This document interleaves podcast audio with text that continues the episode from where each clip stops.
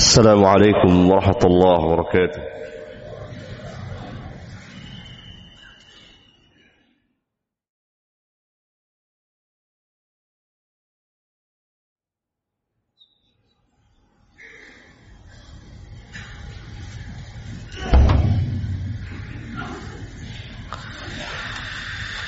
إن الحمد لله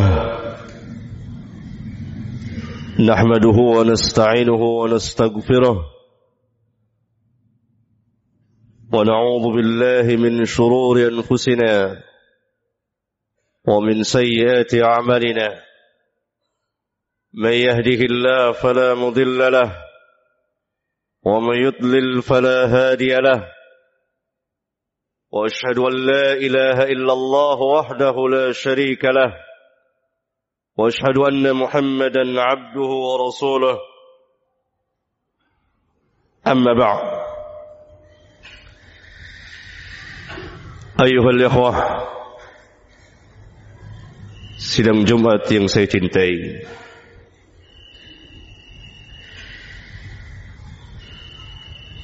Kita hidup di satu negeri Yang kehidupan keagamaannya Yang saya maksudkan kehidupan keagamaan al-Islam beragam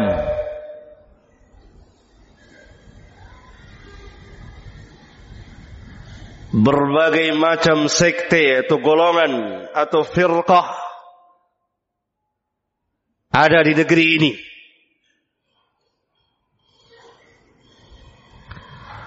Mau cari yang mengingkari hadis atau sunnah ada. Mau cari orang yang beragama tanpa salat pun ada. Dan seterusnya.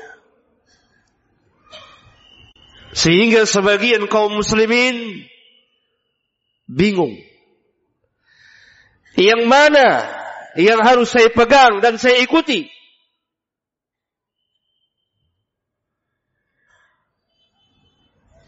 Yang pada hakikatnya kalau kita kembali kepada Al-Quran dan Sunnah kita akan dapati jawabannya. Bahwa hakikat Islam Islam yang disebutkan dalam Al-Quran dan hadis, Islam yang dibawa oleh Rasulullah Sallallahu Alaihi Wasallam, Islam yang beliau amalkan, Islam yang beliau dakwakan, Islam yang beliau ajarkan kepada para sahabat, kemudian didakwakan dan diamalkan oleh para sahabat. Ini Islam. Yang Allah katakan dalam Al-Quran, Inna dina inda Allahil Islam. Tidak ada agama yang sah di sisi Allah kecuali al-Islam. Maka apabila kita ingin beragama Islam dengan benar, sesuai dengan syariat Rabbul Alamin, Islam yang dibawa oleh para nabi dan rasul, yang diakhiri dengan kenabian Muhammad, kenabian dan kerasulan Muhammad alaihi wassalatu wassalam, maka kita harus berpegang dengan Alkitab, Al-Quran, dan perjalanan kehidupan beliau di dalam mengamalkan dan mendakwakan Islam atau yang kita kenal dengan nama As-Sunnah. Yang kemudian keduanya ini Al-Quran dan Sunnah didakwakan oleh para sahabat sebagai penyambung lidah beliau yang mendakwakan Islam kepada manusia sesuai dengan perintah beliau kepada mereka balighu anni walau ayat sampaikan dariku meskipun sejumlah saja dalam sebuah hadis sahih riwayat Bukhari.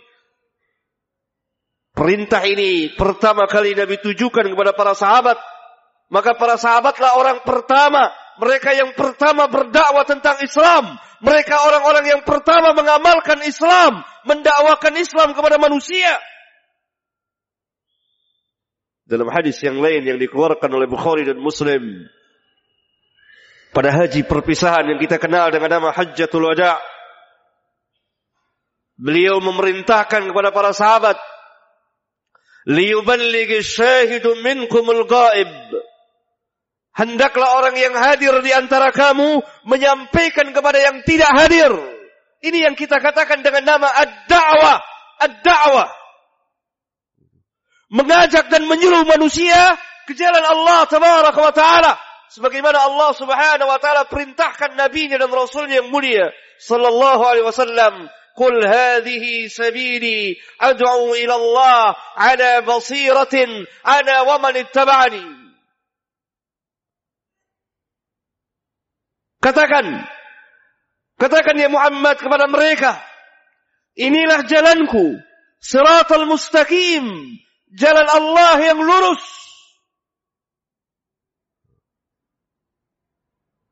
Aku ajak manusia ke jalan Allah ala basiratin atas dasar basirah. Basirah adalah burhanun syar'iyyun wa aqliyun. Dalil atau hujjah keterangan baik secara syar'i maupun secara akliyah. Aku bersama dengan orang-orang yang mengikutiku. Berarti kalau kita sebagai pengikut Nabi yang mulia sallallahu alaihi wasallam kita telah beriman kepada beliau. Kita mencintai beliau. Kita mengikuti beliau. Maka pengamalan dan dakwah kita harus sesuai dengan pengamalan dan dakwah beliau. Karena Allah katakan, Kul hadhihi sabili ad'u ila Allah ala basiratin ana wa man ittaba'an. Katakan inilah jalanku. Jalanku yang lurus. Aku ajak manusia ke jalan Allah atas dasar ilmu. Aku bersama dengan orang-orang yang mengikutiku. Mengajak manusia ke jalan Allah atas dasar ilmu.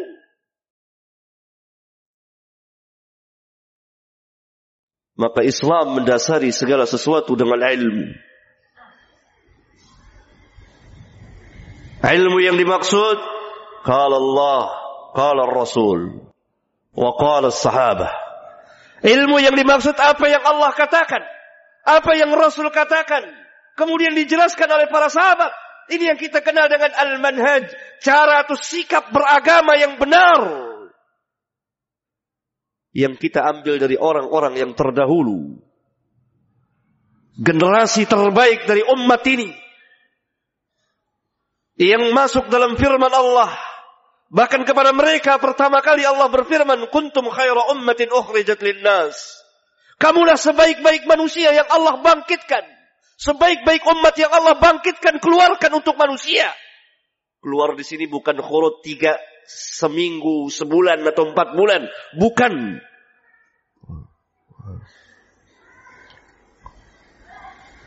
Para sahabat ridwanullah alaihim jami'an generasi terbaik dari umat ini. Di mana Rasulullah sallallahu alaihi wasallam pernah bersabda dalam sebuah hadis mutawatir dikeluarkan oleh Bukhari, Muslim, Ahmad dan lain-lain, khairun nas qarni, thumma alladhina yalunahum, thumma alladhina yalunahum. Sebaik-baik manusia dalam riwayat yang lain dikatakan khairukum, sebaik-baik kamu dalam riwayat yang lain dikatakan khairu hadhil ummah, sebaik-baik umat ini. Dalam riwayat yang lain dikatakan khairu ummati, sebaik-baik umatku yang hidup pada zamanku, para sahabat. Kemudian yang sesudah mereka, tabi'in. Kemudian yang sesudah mereka, tabi'ut tabi'in. Tiga generasi terbaik dari umat ini. Maka kita mengambil agama dari mereka Bagaimana cara mereka beragama? Bagaimana mereka mengamalkan Islam? Bagaimana mereka mendakwakan Islam? أقول قولي هذا وأستغفر الله لي ولكم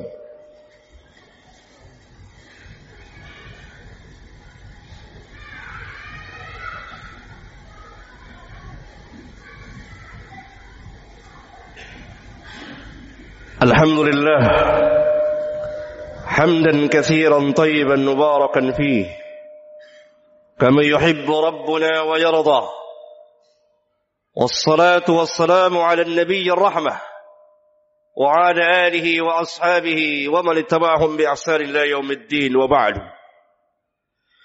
Sidang Jumat yang saya cintai. Ada salah satu firqah, kelompok yang berkembang di negeri kita ini. Sejak 20 tahun lebih yang lalu. Yang ajarannya sangat sesat dan menyesatkan. Bahkan kalau kita timbang dengan timbangan Al-Quran dan Sunnah, tidak ragu lagi bahwa ajaran mereka ini telah keluar dari Islam. Walaupun mereka mengatasnamakan Islam, mereka adalah orang-orang yang dididik oleh para orientalis di negeri-negeri mereka dua tiga abad yang lalu, para orientalis itu langsung mendatangi negeri-negeri Islam. Indonesia, Malaysia, Pakistan, Mesir, dan seterusnya. Mereka turun terjun langsung. Merusak akidah dan amaliyah kaum muslimin. Pada awal abad ke-20, mereka telah mendirikan beberapa madrasah. Madrasah mereka yang tersebar di negeri-negeri mereka.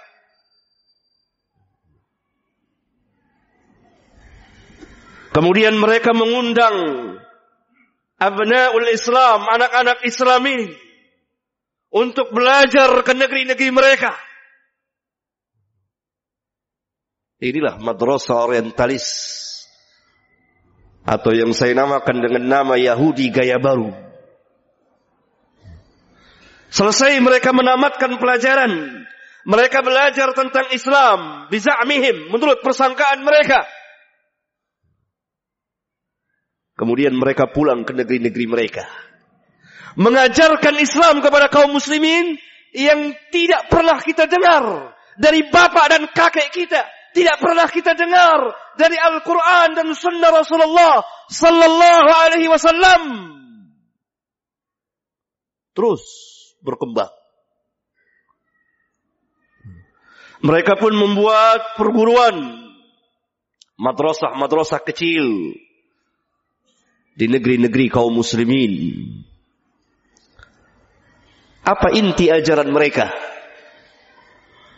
Dan ini tersebar di sebagian perguruan Islam.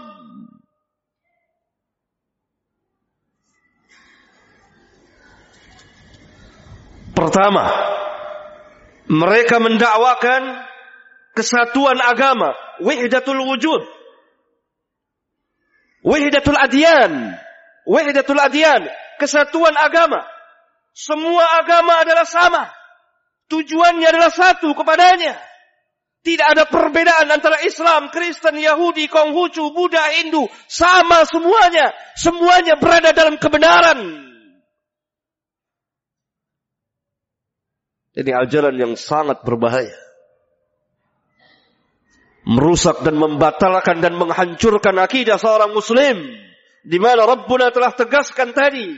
Inna dina anda Allahil Islam. Tidak ada agama yang sah di sisi Allah kecuali Islam. Waraditu lakumul Islam dina dan aku reda Islam sebagai agama bagimu. Wa man yabtaghi al-Islam dinan fala yuqbala minhu wa huwa fil akhirati minal khasirin. Barang siapa yang mencari selain dari Islam, maka tidak akan diterima agamanya dan dia termasuk orang yang rugi nanti di akhirat. Berkembang ajaran ini sejak kurang lebih 20 tahun yang lalu di negeri ini dengan sejumlah tokoh-tokohnya. Kemudian sekarang mereka telah mempunyai anak cucu dan mengembangkan lagi ajarannya wahdatul adyan kesatuan keagamaan ini. Yang kedua, dari inti ajaran mereka memasukkan keraguan ke hati kaum muslimin untuk meragukan kebenaran Islam, meragukan kebenaran Al-Quran, meragukan kebenaran sunnah, meragukan kebenaran dakwah para sahabat ridwanullah alaihim jami'an mencaci maki para ulama kita dari generasi ke generasi sampai al-Imam Asy-Syafi'i pun tidak luput dari caci maki mereka. Padahal Rabbuna telah menegaskan kepada kita al-haqqu min rabbika fala takunanna minal mumtarin. Yang hak itu dari Rabbmu, maka jangan sekali-kali engkau menjadi orang yang ragu. Kita yakin akan kebenaran Islam. Kita yakin akan kebenaran Nabi yang mulia sallallahu alaihi wasallam. Kita yakin akan kebenaran Al-Qur'an dari awal sampai akhir meskipun kita belum paham sebagiannya atau secara keseluruhannya. Qul sadaqallah, katakan benarlah Allah. Sebagaimana Nabi yang mulia pernah bersabda, "Ma kharaja minni illa haqqun." Tidak keluar dariku melainkan kebenaran yang adalah kebenaran di atas kebenaran. Mereka memasukkan sedikit demi sedikit keraguan demi keraguan. Di dalam hati, teskik di dalam hati seorang mukmin. Padahal kalau kita membaca Al-Quran, di awal-awal Quran, di awal surat Al-Baqarah Allah berfirman, Alif Lam Mim, Zalikal kitabu la raiba fihi udan lil muttaqin. Alif Lam Mim, kitab ini la raiba fihi. Tidak ada satupun keraguan tidak dimasuki satupun tuduhan. Tidak ada keraguan akan kebenarannya. Tidak ada keraguan bahwa Al-Quran adalah kalamullah. Tidak ada keraguan bahwa Muhammad sallallahu alaihi wasallam adalah utusan Allah tabaraka wa taala. Yang ketiga, inti dari ajaran mereka mencampur adukan antara yang hak dan yang batil. Ini adalah asas daripada ajaran Yahudi.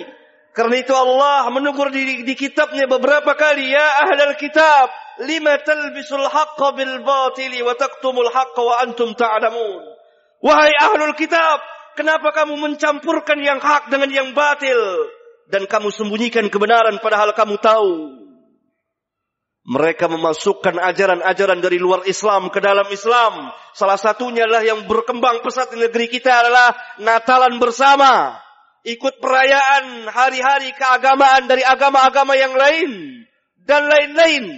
Mereka memasukkan dalam peribadat, dalam keyakinan, dalam peribadatan, dalam akhlak, dalam muamalah. Lihat cara bermuamalah kita. Penuh dengan yang haram.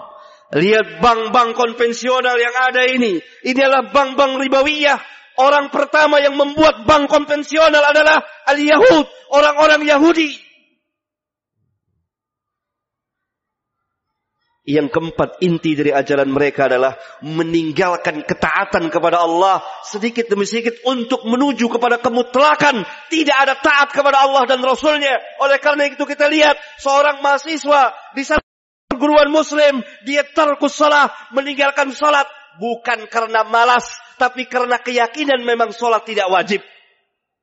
Fa inna lillahi wa inna ilaihi raji'un. Mudah-mudahan khutbah ini bermanfaat bagi khatib dan jamaah. Allahumma qfir lil mu'minina wal mu'minat wal muslimina wal muslimat al ahya'i minhum wal amwat. ربنا آتنا في الدنيا حسنة وفي الآخرة حسنة وقنا عذاب النار والحمد لله رب العالمين.